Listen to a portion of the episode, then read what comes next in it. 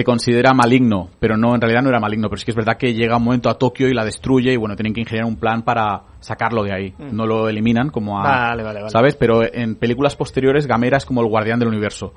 Eh, por ejemplo, en la saga Heisei, esta que he traído aquí en, en, en Blu-ray, es un arma biológica de la civilización Atlante. Sigue siendo muy guapo Sí. el argumento. que se dedica a proteger la Tierra de amenazas eh, desconocidas por el ser humano, que pueden provenir de, pues, de las capas más profundas del océano, del mundo exterior. Es como un guardián de la humanidad, pero también tiene el problema de que la humanidad lo repudia, porque el ejército, pues claro, siempre va por él. No deja de ser un monstruo que, para eliminar al kaiju malo de turno, pues se carga a Tokio, ¿no? Entonces siempre tiene al ejército ahí tocándole un poco los, los cojoncillos. Entonces esta es la, la premisa de, de Gamera Rebirth. Eh, iremos viendo las aventuras de estos tres protagonistas y las batallas, las que son el, el gran punto fuerte, porque la verdad es que la animación de esta serie, cuando el primer episodio, la primera impresión que te llevas es bastante negativa, porque es una serie CGI. Mm. Es el típico anime CGI de Netflix. Entonces, yo ya sabéis que detesto el CGI. Y mi primera impresión fue, madre mía, las ganas que tenía de un nuevo anime de Gamera y me meten este druñaco. Sí. ¿Qué pasa? Que durante las batallas de Kaijus, el, el CGI le queda de muerte. Le queda brutal. O sea, todo lo que perdemos en las escenas de que salen los niños haciendo el tonto por ahí, lo gana en las batallas de Kaijus que son espectaculares, son brutales. O sea, la verdad, mm, de las mejores batallas de Kaijus que yo he visto personalmente, y eso que ya sabéis que me he tragado toda la saga Godzilla, toda la saga Gamera. Mm.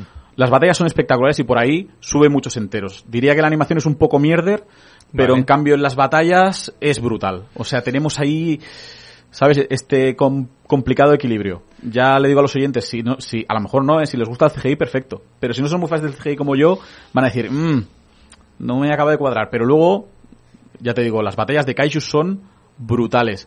Y a diferencia de Godzilla, la saga Gamera es, es más violenta. Eh, es muy frecuente que empalen a Gamera y empiece a sangrar a chorros, ¿sabes? Y esto son batallas bastante cruentas.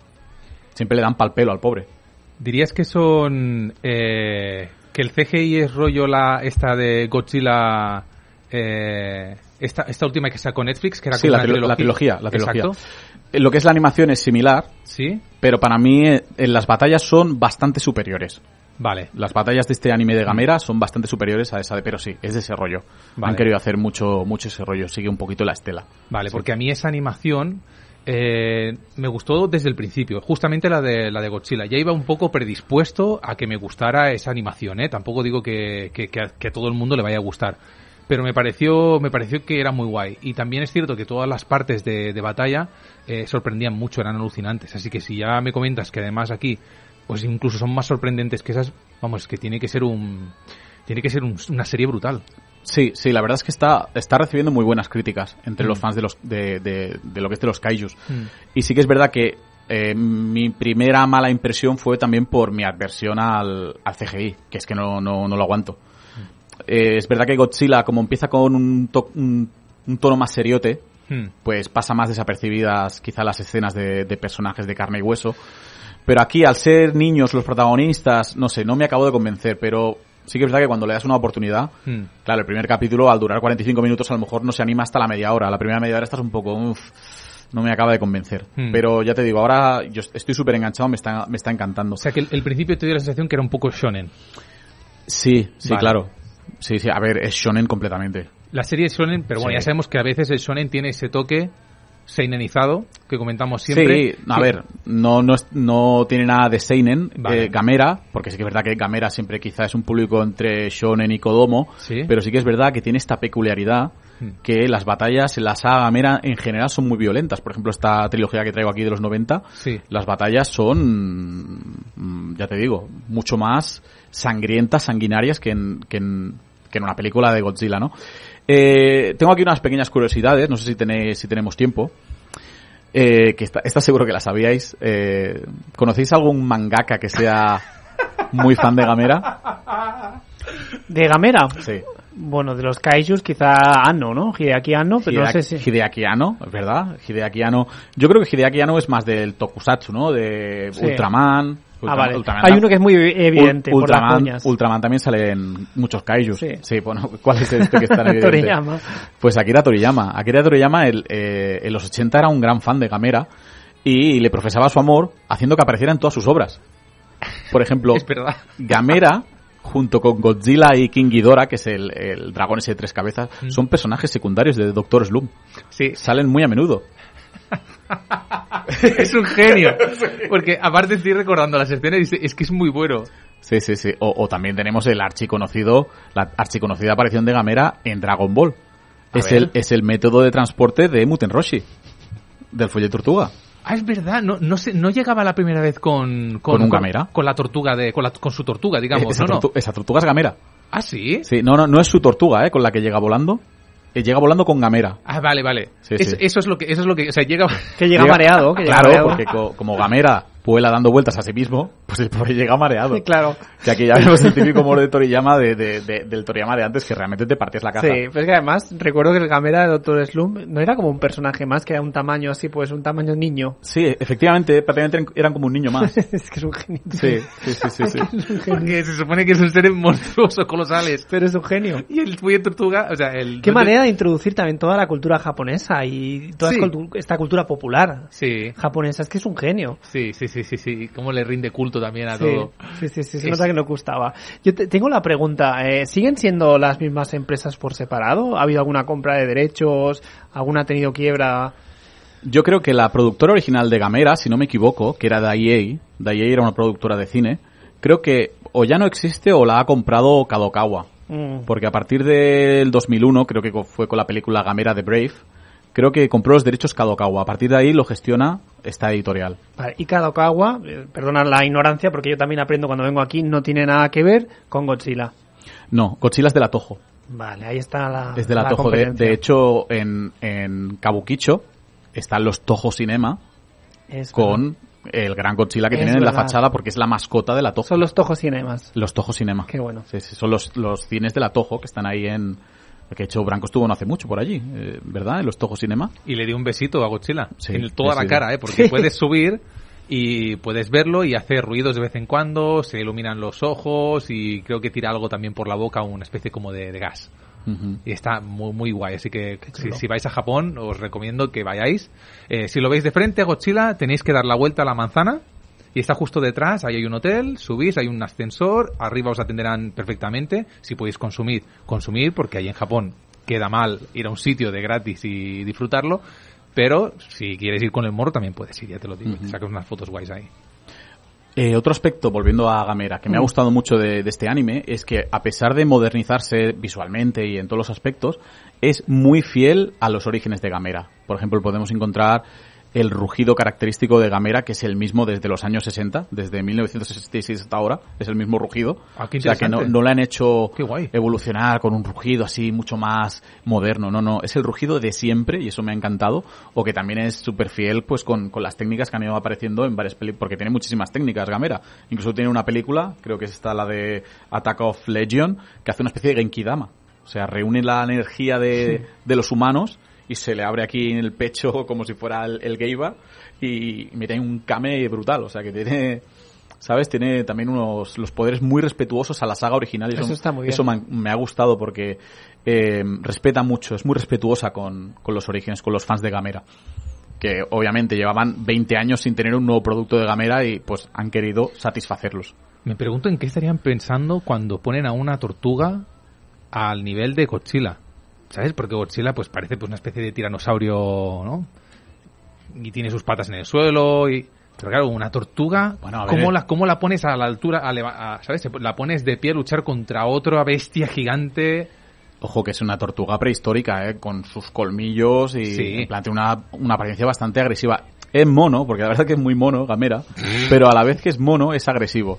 O sea, es que, no sé, es único. Como personaje es único. Mira, más curiosidades. La película original de Gamera, la que sacó de ahí para competir con Toho, la filmaron en blanco y negro, pero no porque en, e- en aquella época no hubiera pelis a color, sino porque por el bajo presupuesto que tenían. Pensaron que si la filmaban en blanco y negro, los efectos especiales mm, darían más el pego, se notarían menos los fallos.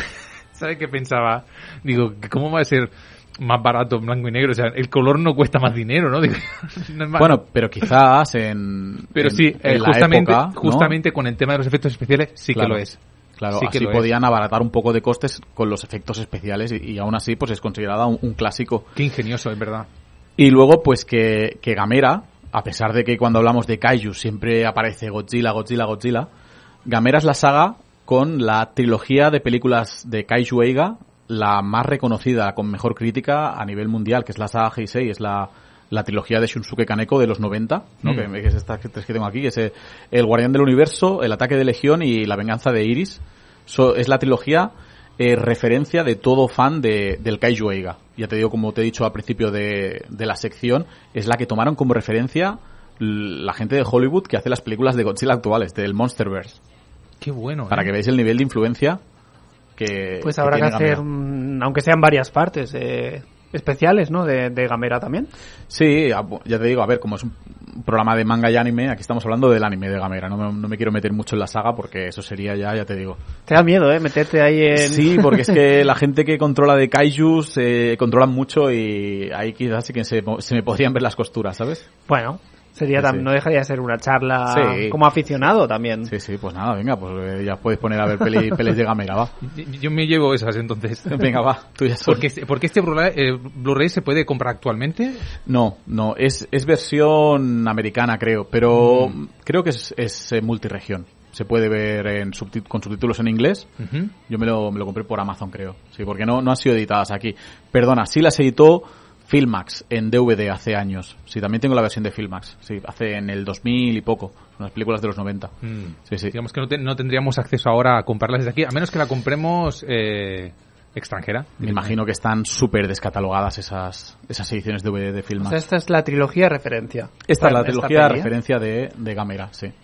Sí, sí, sí. De Gamera y, y de la, y del Kaiju Eiga en general. Pues también me queda pendiente ver este, este ONA de, de Gamera. Soy muy fan de Godzilla, pero no hasta el nivel de aprenderme las fechas de creación del, del, del monstruo, pero son cosas que me gustan y, y se acabó. Hombre, si te gustó eh, la serie animada de Godzilla, Sí, yo creo que te puede gustar también. pues me la apunto, perfecto. Eh, me gustaría aprovechar este final del programa porque estamos llegando en esta recta final. Además de para las gracias, como siempre, por estas fricadas que me traéis y deberes. Al fin y al cabo son deberes para mí. Eh, agradecer a todos y todas los que se hayan conectado esta, este capítulo de, por parte de Discord. Y, y nada, también comunicaros a vosotros que nos están, que nos están diciendo que, que está saliendo bien, que el programa, la parte de audio se escucha muy bien, la música ya sabemos que había, habrá que trabajarlo un poco, pero nada. Lo mismo que os agradezco a vosotros, también agradeceros, agradecer a los oyentes de Discord que, que están ahí. Y nada, pues si estás escuchando esto en diferido, eh, también te lo agradecemos y esperemos que pronto, si no lo estás ya, eh, conectes con Evox y nos sigas desde ahí y si te apetece también, eh, nos apoyes el programa que también nos hace muy contentos. Así que nada, eh, si no tenéis nada más que decir sobre Gamera, ¿no? Porque- Agradecerte, Franco, a ti, como siempre. porque yo tengo muchas cosas que decir de Gamera, pero después de verme ese, Exacto. ese- esa, ese- esa trilogía, porque es una trilogía. ¿o qué? Esta sí, sí, sí, sí. Pues gracias, Blanco, por tu labor técnica, que hoy te he visto especialmente estresado Sí, y Sí, veo que al sí. final ha salido bien la cosa. ha salido bien. Así que en próximos programas estaremos anunciando la salida oficial de nuestro canal de Discord y espero que estéis todos y todas ahí eh, comentándonos y preguntándonos y animándonos. Así que nos vemos.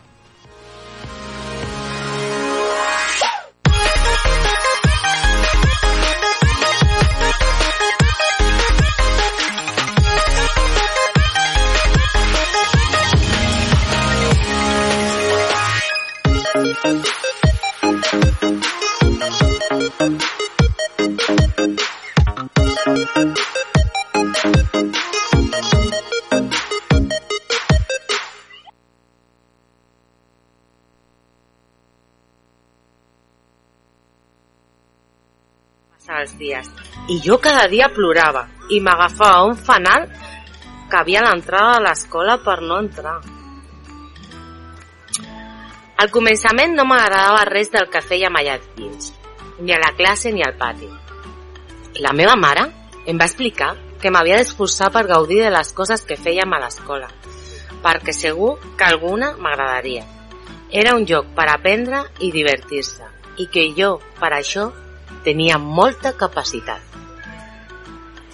I va arribar un dia, un dia magnífic i increïble. Estava entusiasmada a l'escola. La mestra va treure un ninot de neu dibuixat en un foli i van començar a cantar cançons del ninot. Fins i tot em vaig comprar un peluix d'un ninot de neu per casa meva. I així vaig començar a anar contenta a l'escola, a jugar i compartir amb els meus companys i companyes, a parlar de les meves inquietuds amb la meva mestra i amb el ninot de neu vaig descobrir l'esforç de fer-me gran sense perdre la meva capacitat de diversió.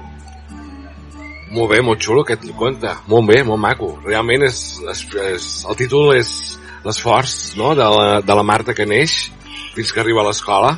Bueno, sí, i jo crec que és un esforç molt gran per part dels nens i per part dels adults d'anar a fer-te gran i no perdre aquesta capacitat de diversió i de gaudir de totes les coses a vegades jo els explico als meus fills, hi ha coses que, que no ens agraden, no? però segur que d'això hem de treure una part positiva, una part on aprenem i una part que ens pot agradar, no?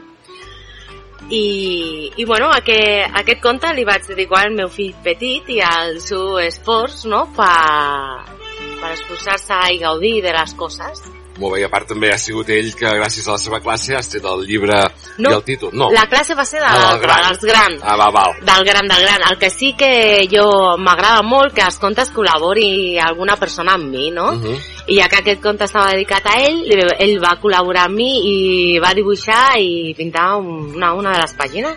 Molt bé. Aquesta de, de, del lloc que és tan important en els infants Doncs que sí. han de jugar i, i no créixer tant d'hora i seguir jugant per poder crear no? I, I tant. i no perdre la creativitat Molt bé, doncs fantàstic, fantàstic. El conte és molt xulo, realment us el recomanem que tots els que ens estigueu escoltant, us voleu posar en contacte amb la Susana Morillas Rodríguez amb el seu Instagram, un missatge i ja està, oi? sí, sí, sí, sí Moltíssimes gràcies per venir avui a la Moxiganga, Susana.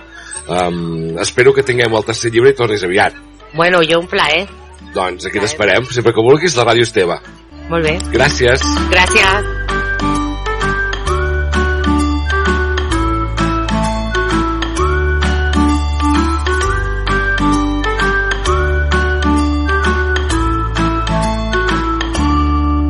La Moxiganga. Aquest programa sí que és una ganga.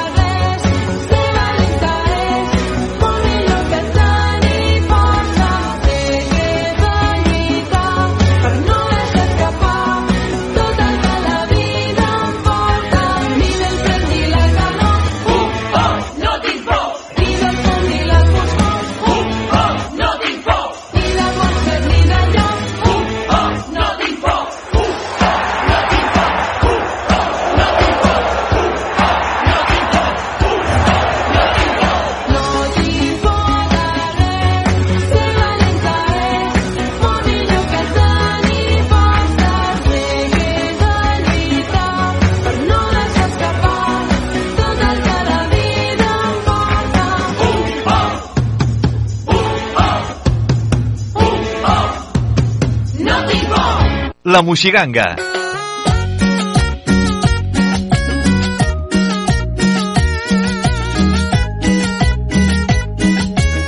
Aquest programa sí que és una ganga.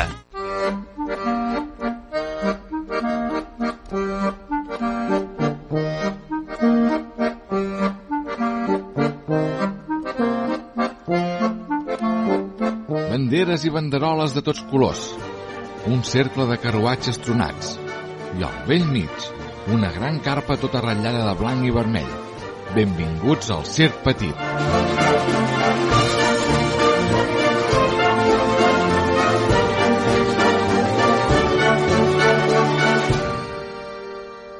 Bon dia, Salim. Voleu conèixer aquest petit circ? Doncs veniu, apropem-nos-hi. Silenci. Sembla que ja fa estona que ha començat la funció.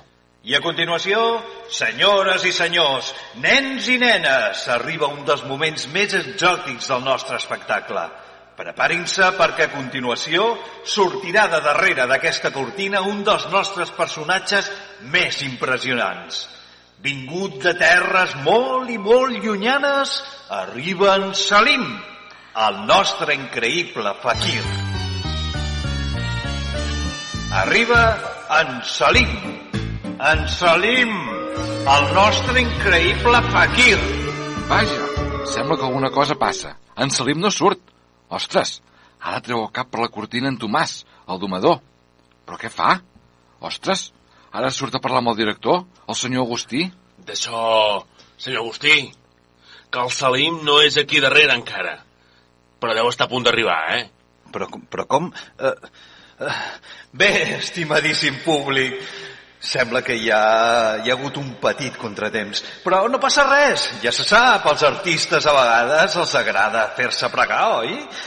Però bé, ara sí, sense més preàmbuls, crec que ja devem estar a punt per rebre'l. Així que preparin-se, perquè a continuació sortirà de darrere d'aquesta cortina un dels nostres personatges més impressionants. Vingut de terres molt i molt llunyanes, arriba en Salim, el nostre increïble fakir.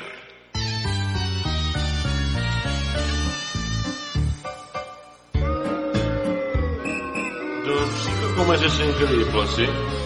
Ostres, ara surt la Sibila, la fatillera. Es pot saber què passa ara.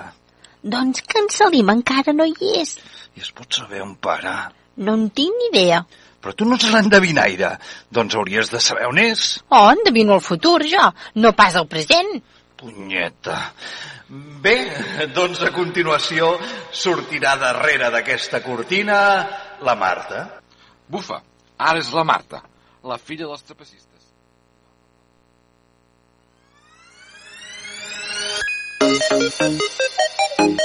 Te damos la bienvenida a Dimensión Manga, un espacio para charlar sobre novedades, cultura, curiosidades e historia del mundo mangánime. Con los maestros Pedro López, Óscar Ulloa y el eterno aspirante otaku y un servidor, Branco Fuenzaleda. ¿Has visto algo de otra dimensión?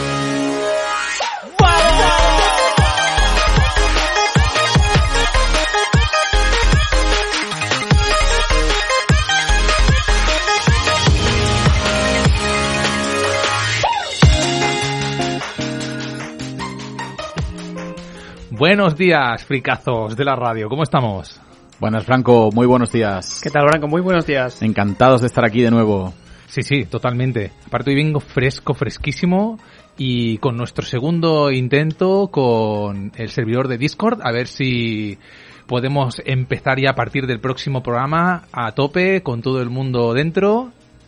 Así que, ¿vosotros qué? ¿Os, ¿Qué os pareció? Bueno, buen feedback de la gente además. Sí, es, lo veo muy práctico, muy para, muy para boomers, ¿no? Como has dicho, un, como dijiste, un, ¿Para boomers? ¿Por qué? ¿Por qué un, para un Twitch boomers? para boomers. un- Exacto, es un, un Twitch para, para gente como nosotros. Que, bueno, A mí todo lo que sea poder interactuar a tiempo real con los oyentes me parece un flipe total. Eso me encantaría que un oyente me pudiera corregir en directo. Sí. no, no, esto lo has dicho mal, que no es así. Y decir, ostras, ¿sabes? Es que, no sé, me encanta que podamos estar en contacto con los oyentes mientras, pues en directo, ¿no? Mientras hacemos el programa. Exacto.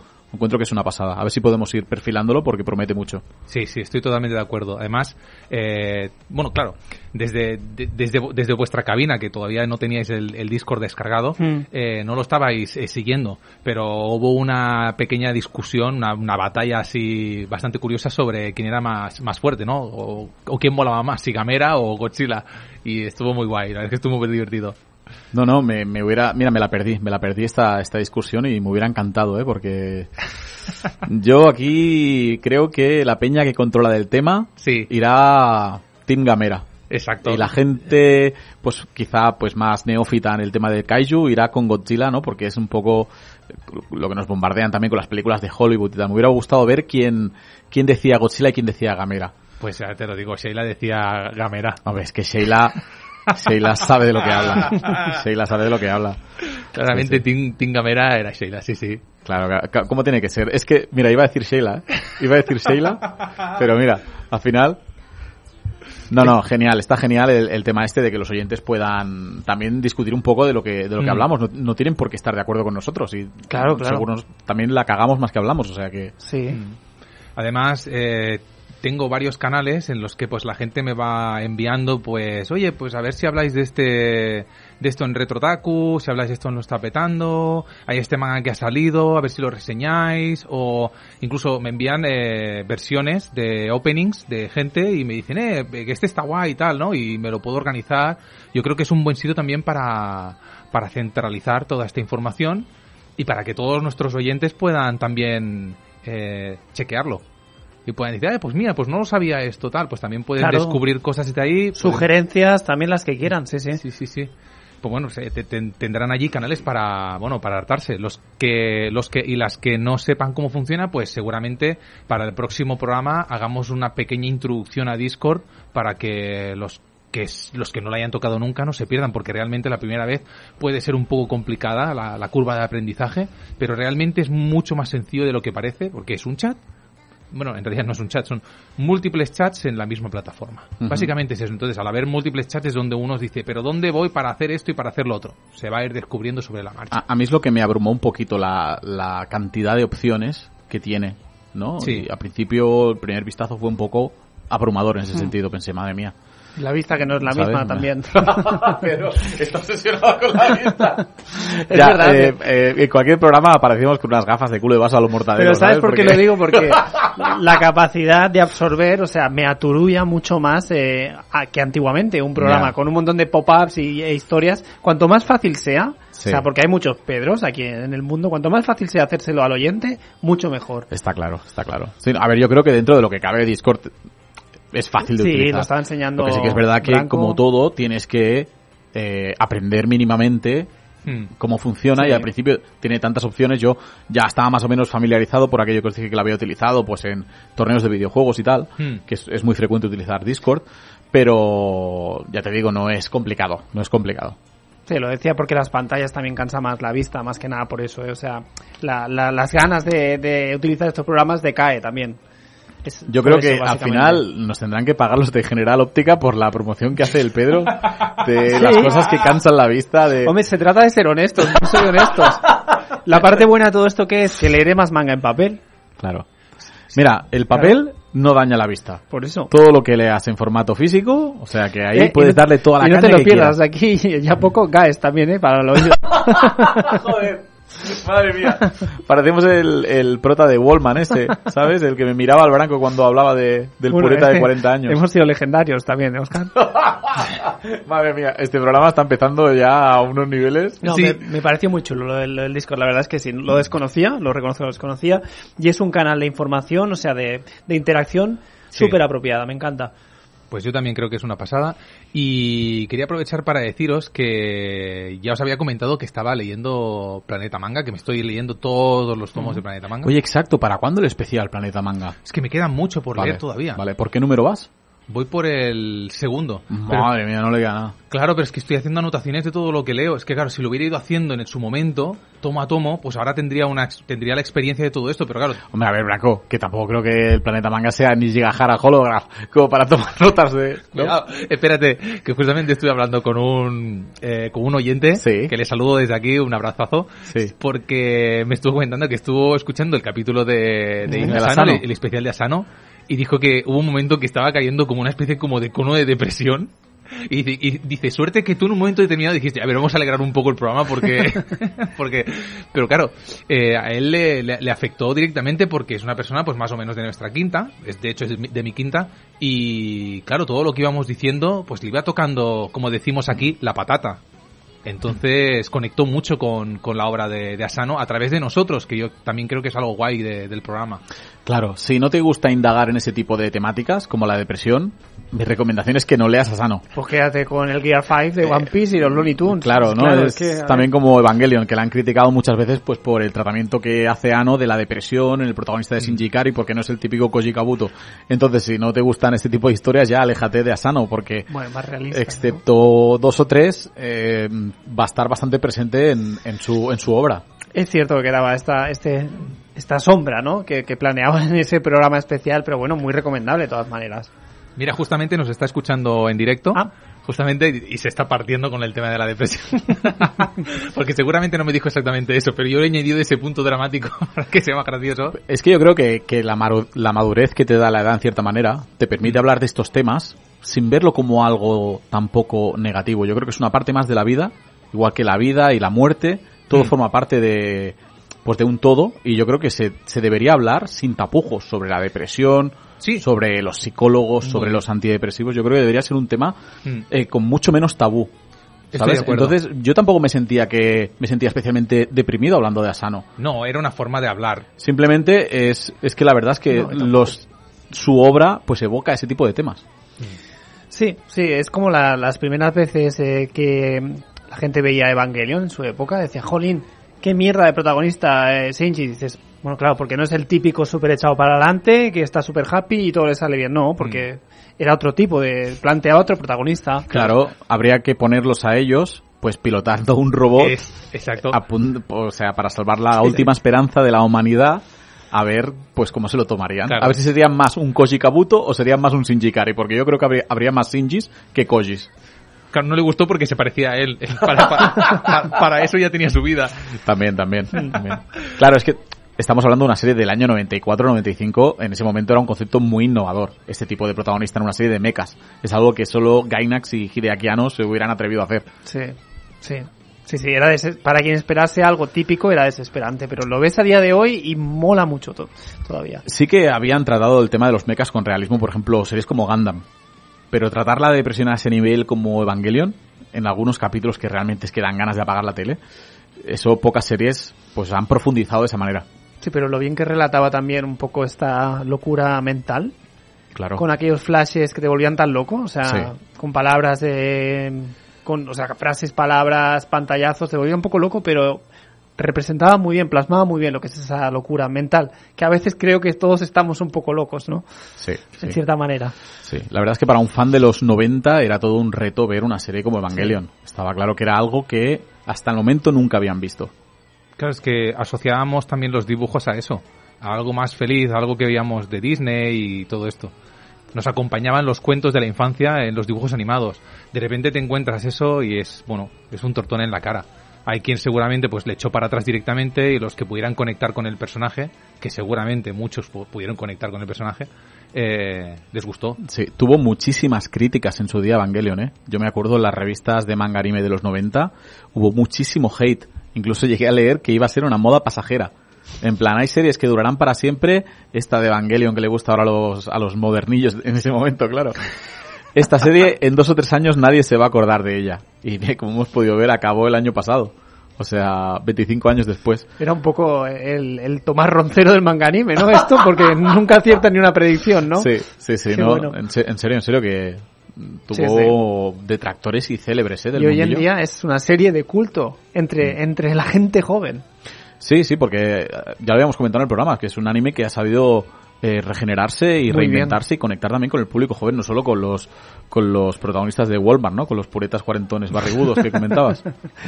Pues sí. Pues quiero añadir una cosa para terminar y ya pues para terminar de también de llenar ese- esos espacios que nos pide General Óptica.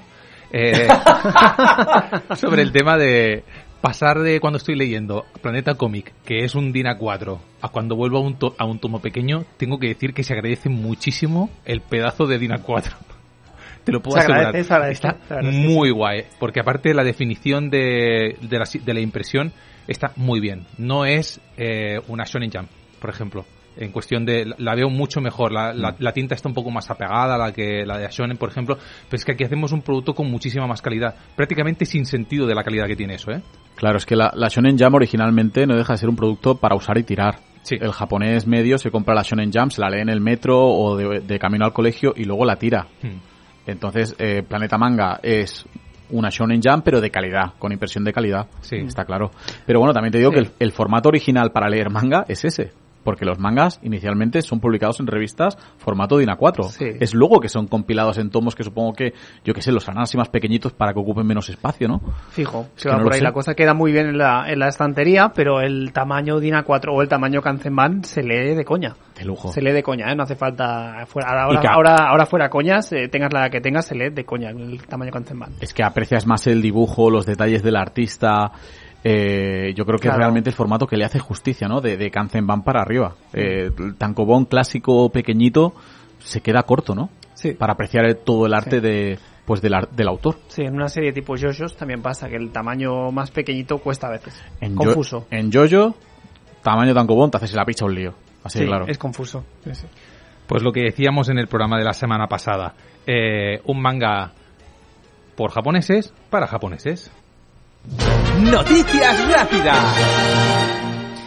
Por si aún no te has enterado y te apetece ver qué tal está el manga de One Piece, la página oficial de la serie Live Action ha publicado los 12 primeros tomos gratis. Para leerlos, entra en la página redmi-alto-onepiece.com. Oye, una cosa. ¿Os, Sí. habéis, ¿Os habéis visto ya el live action? No. Yo no me he atrevido, ¿eh? Me niego. Yo he visto el primer capítulo. ¿Y Vi qué los, tal? Vi los primeros, perdón, 10 minutos y no me gustó mucho. Pero luego me gustó un poquito más. Luego se anima. Sí. Tienes que acostumbrarte, tienes que recordar que lo que estás viendo es un live action. Pero Ah. me gustó me gustó lo que vi luego al final. Ha tenido buenas críticas. Yo la verdad es que no me atrevo. No me atrevo. Casi que vería antes la- esa versión que nos pasó Branco, esa que se llamaba One Pennies o algo así. Esa sí te interesa, ¿eh? ¿Sabes? Esa, no sé. Nami la vi más, más fielmente representada. Seguimos con que ya está disponible en las tiendas españolas la revista Otaku Bunka número 45. Prometen que será para amantes de extraterrestres, viajeros en el tiempo, habitantes de universos paralelos y mucho más. Recomendadísima. ¿Esta la vas a pillar, Branco? Porque tiene buena pinta y además Sí, te sí. gusta el tema. Todo, todo. Yo lo pillo todo. Hombre, se compró, se compró la de especial de First Slam Dunk, ¿verdad? Bueno, no, especial no, que hablaban de la película. Exacto, hablaban de la película, sí, sí. Seguimos porque Norma Editorial cerró su semana de anuncios con tres nuevas licencias mangas de la franquicia Tokyo Revengers. Los títulos incluyen Tokyo Revengers Character Book 1, noviembre, Tokyo Revengers Historias Cortas para diciembre y Tokyo Revengers Carta de Keisuke Bashi también para diciembre. Contarán con información, bocetos, ilustraciones y curiosidades y además historias pasadas de algunos personajes. Tengo aquí a Oscar mirándome como diciendo, se lo va a comprar su, su tía. No, no, no, no me malinterpretes. Yo siento lástima de que el fenómeno pues ha- haya perdido intensidad de tal manera. Hmm. El fenómeno Tokyo Revengers. Lo que parecía que iba a ser uno de los mangas y animes del año. Bueno, en su año lo fue, pero parecía de la década prácticamente, ¿no? Parecía que mm, pues que se haya desinflado de esa manera, la verdad es que me da me da pena pues por el mundo del manga anime, la Sí. verdad. Yo la voy a hacer entera, pero ya os dije el otro día en una tienda de, de manga, dos chavales jóvenes que no tienen por qué representar a todo el mundo, pero decían, es la serie que más ha decaído de la historia. Mm. Y lo resumía muy bien y me daba pena también. Sí, sí, sí, Mm. sí. Es que yo voy bastante al día y los últimos tomos son bastante insoportables, ¿eh? Tengo que admitirlo, que no tienen ya ni pies ni cabeza y se ve alargado por alargar. Dilo, claro, di- dijiste el, el nuevo ma- el nuevo malo que aparece en la portada. Parecía, como dijiste, Eh, ahora no, no me acuerdo. Ah, sí, eh, que parecía pues un Paco Clavel. Paco Clavel. es como un, un Paco Clavel eh, escuchimizado que reparte mucho. No, sé, no, es que sinceramente... no, ¿Sabes por qué no mola? Porque molaba que Mikey que era pequeñito y escuchimizado fuera el que más repartía. Claro, pero a la que hay 20 chiquititos escuchimizados que reparten, pues Exacto. pierde un poco ya de, de, de magia. Sí, realmente, por Mike, eso no mola. que realmente nos gustaba tantísimo Tokyo Revengers, fuimos a ver incluso a ver el live action. Yo es que era fanático, es que me encantaba la serie. Mm.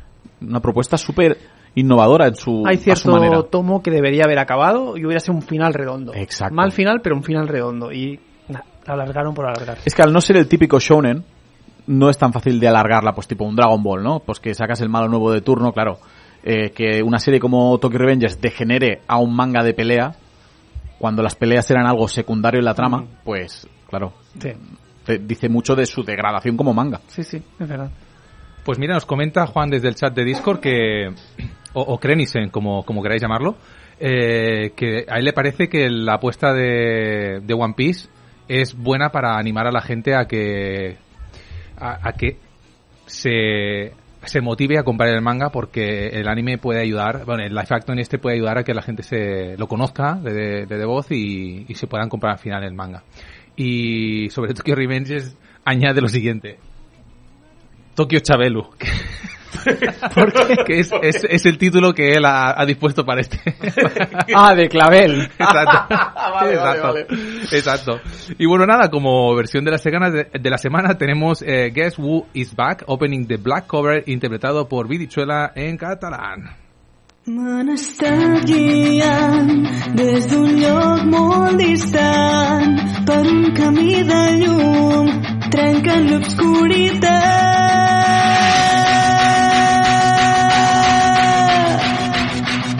Saps qui ha tornat? Tot el món cap a baix. Qui ha tornat? Aixeca't! Som-hi!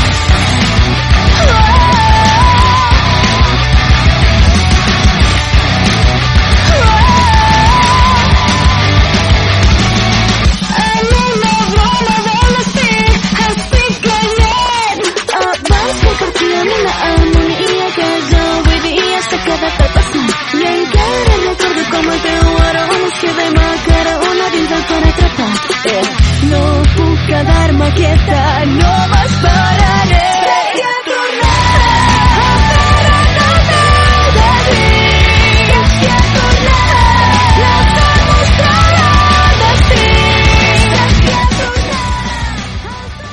Me ha gustado mucho este tema. Tiene, Está guapísimo, ¿eh? Tiene mucha fuerza y aparte esta chica lo hace súper bien, la Vidichuela esta. Se le ocurra muchísimo. ¿Qué tenemos? ¿Estrenos en Japón? ¿Algo por ahí? Pues eh, algo bastante impactante. Te estaba dejando que lo leyeras porque nos lo has pasado tú, además. Sí, sí, todo apunta a que tenemos el regreso a las pantallas de Hokuto no Ken, nuestra querida El Puño de la Estrella del Norte, celebrando su 40 aniversario con un remake del anime, parece, no sabemos aún exactamente qué es, pero parece que va por ahí la Sí. cosa, y se ha revelado la primera imagen esta que sale Kenshiro de, de espaldas. Sí, buenísima. Y realmente yo creo que puede ser una de las noticias del año para todos los retrotakus del un mundo. remake, ¿eh? Estaba, estaba escuchando el otro día, reescuchando el programa con lo de los rebooks, reboots, perdón, de. Captain Tsubasa, o sea que va a ser un remake, no va a ser una continuación. Hay, hay mucho interés porque las nuevas generaciones conozcan también estas series míticas. Claro, en el caso de, de Hokuto no Ken es diferente al de Captain Tsubasa porque Hokuto no Ken sí ha sido adaptada al completo Hmm. al anime y han, y han salido varios ovas. Es que Captain Tsubasa el problema es que aún no está adaptada pues el, el 80% de la obra, ¿no? Claro. Sí, sí, pero eh, está claro que Hokuto no Ken pues lo vale y puede ser una buena oportunidad para que también una nueva generación de fans se apunten al carro. Y la censura, que porque es una serie muy bestia. ¿eh? Es que yo me encuentro eh, actualmente con una dicotomía en cuanto a censura. Veo series muy pasadas de vueltas, muy violentas, encuentro, en, en cambio otras que antiguamente lo eran las han suavizado mucho, ¿sabes? Mm. O sea que tampoco es que no hagan series violentas hoy en día, porque yo encuentro alguna que otra serie que digo, Sí. madre mía.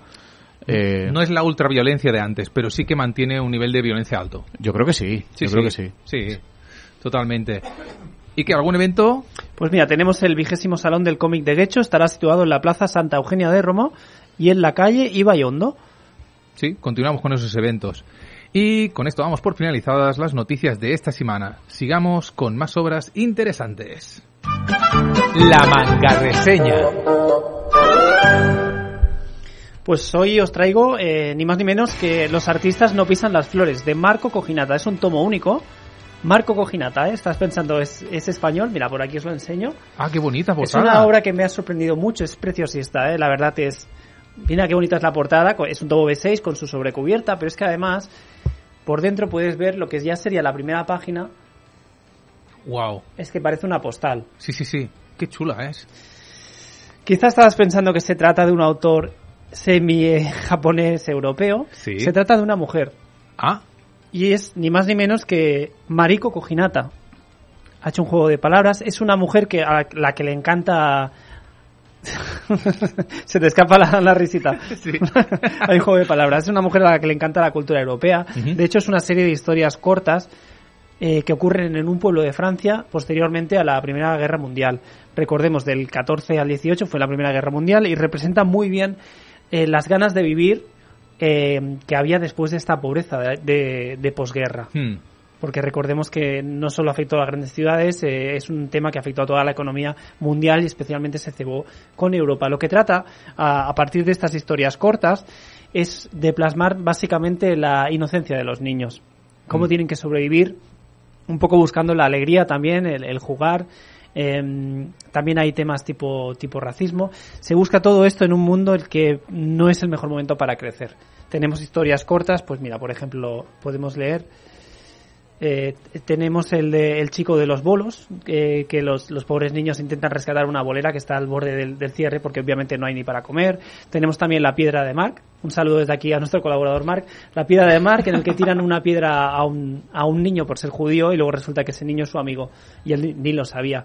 O también Wow. eh, tenemos la, la taza de té áspero, también se basa en una en una cafetería en el que hay una cafetería enfrente de otra y la quieren quieren que no se lleven mal porque una hace el mejor chocolate, la otra hace el mejor café.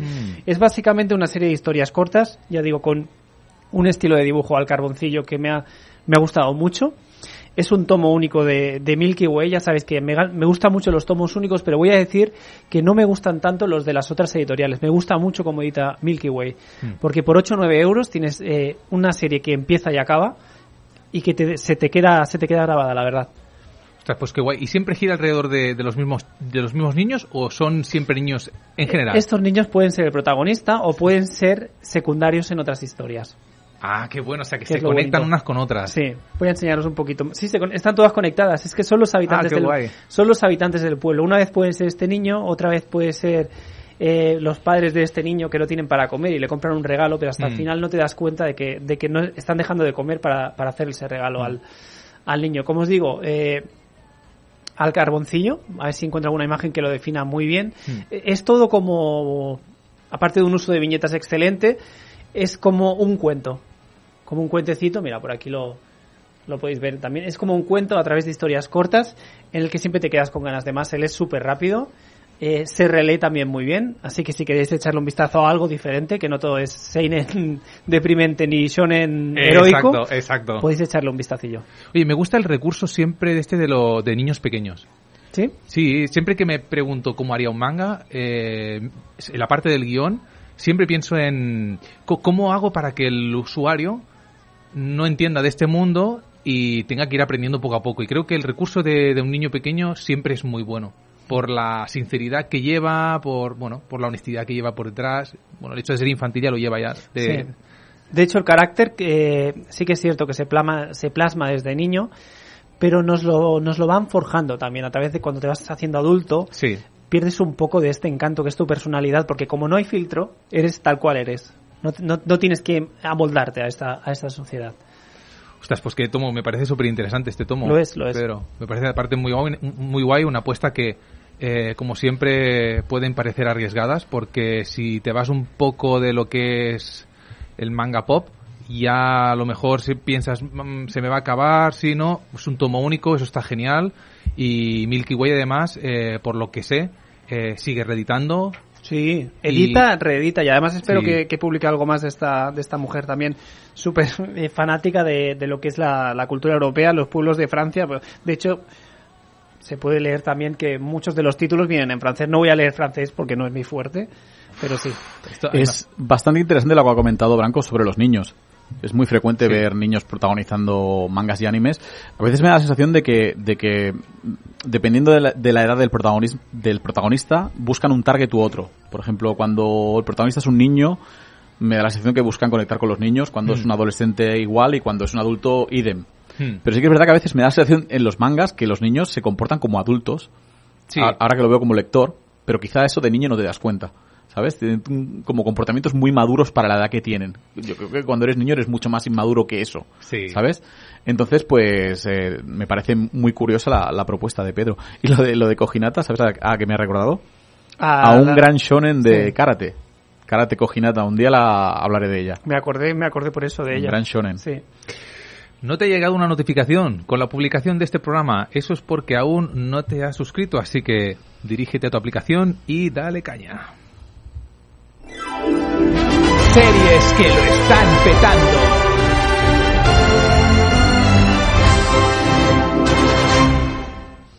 Pues imaginaos un Japón clásico donde los hombres apenas existen debido a una misteriosa enfermedad. Nos referimos a Oku, los aposentos privados.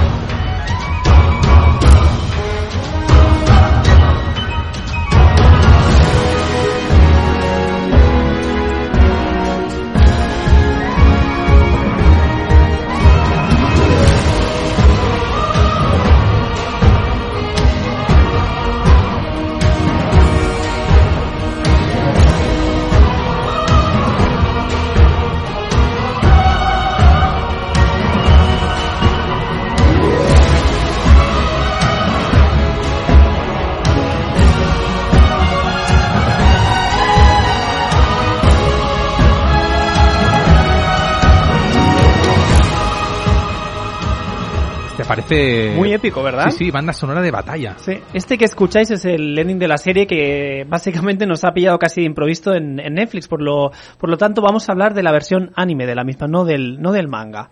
Venga. Mira, este culebrón, lo voy a definir como culebrón o telenovela, tenemos que en el Japón del periodo Edo, una nueva y extraña enfermedad llamada viruela roja ha empezado a acabar con los hombres del país. A los 80 años, para que os hagáis una idea, a los 80 años del primer brote, la población masculina se ha reducido en dos tercios.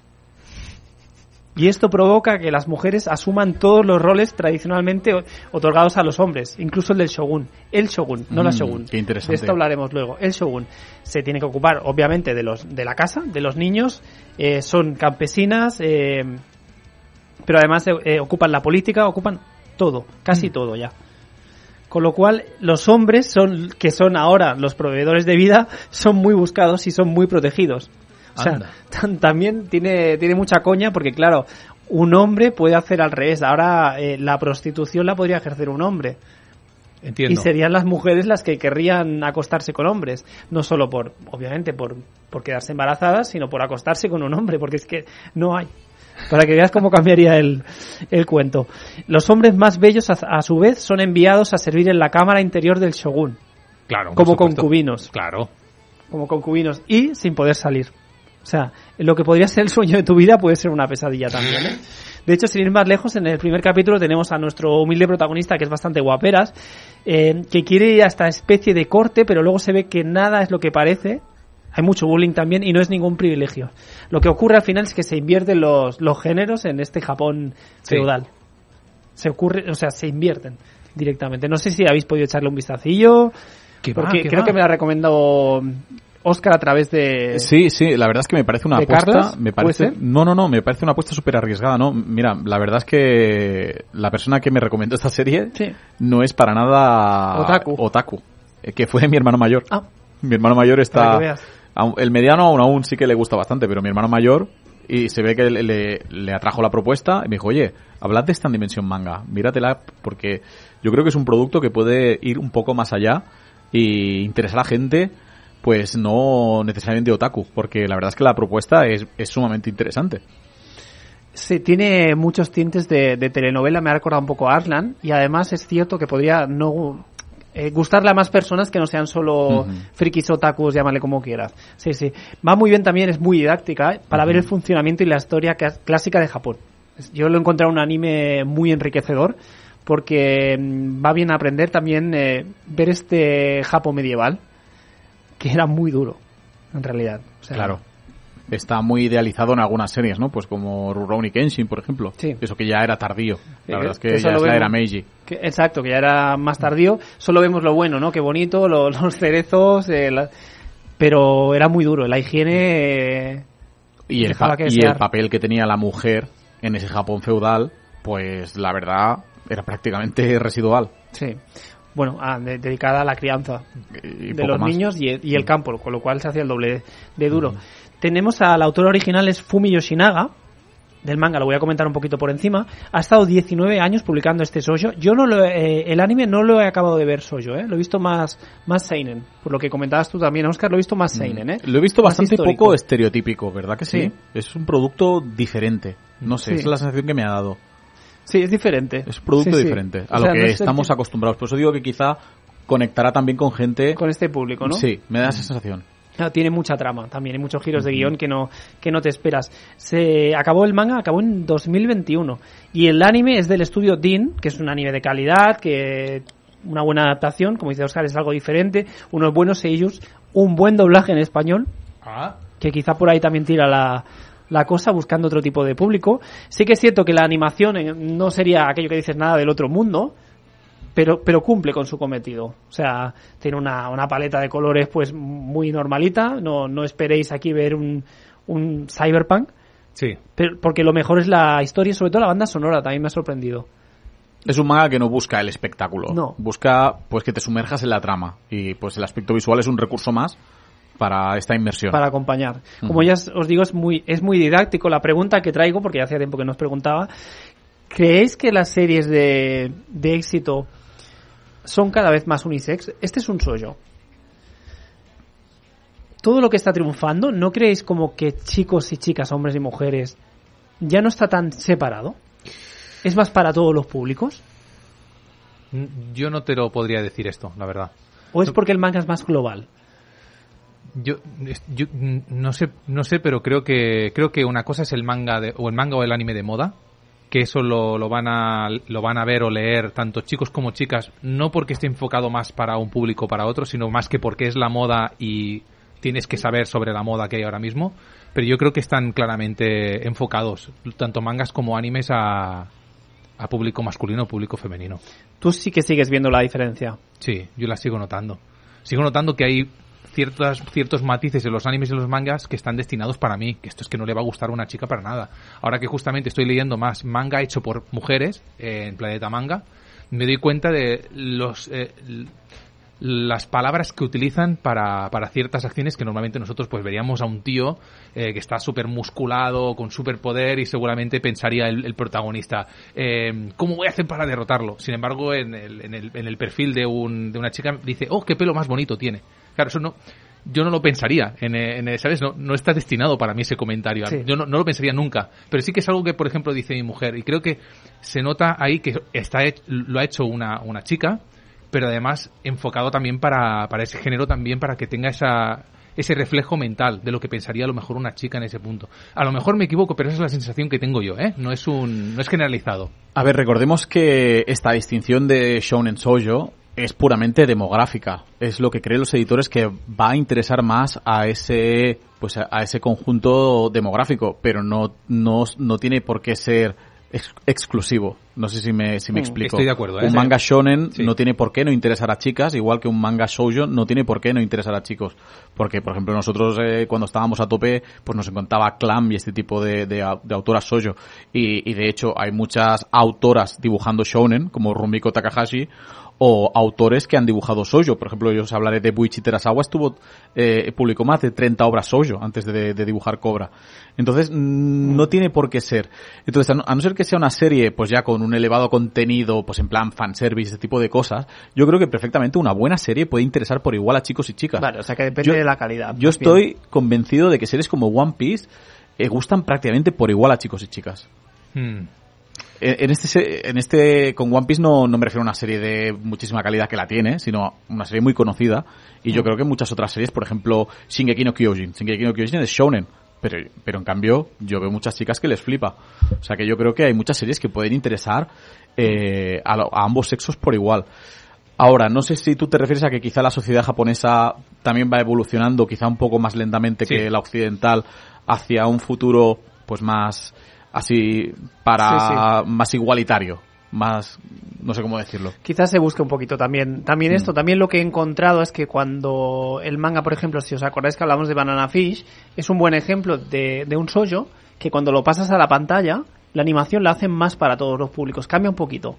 O sea, la, hacen, la adaptan más para todos los públicos. No he leído este, este anime, o sea, este, perdón, este manga de los aposentos privados de Roku. Quizá el manga sí es más sollo de lo que es la animación. Ya. También es una manera de llegar a, a más gente, creo, ¿eh? Lo que, pero sí opino que el manga es un efecto más global, que la sociedad japonesa está cambiando un poquito y que depende de la, de la calidad de la serie para llegar. Está cambiando La, la buena llega a todo el mundo. poco a poco, pero también está cambiando. Que sí que es verdad que a veces también eh, tendemos a pensar que ciertas temáticas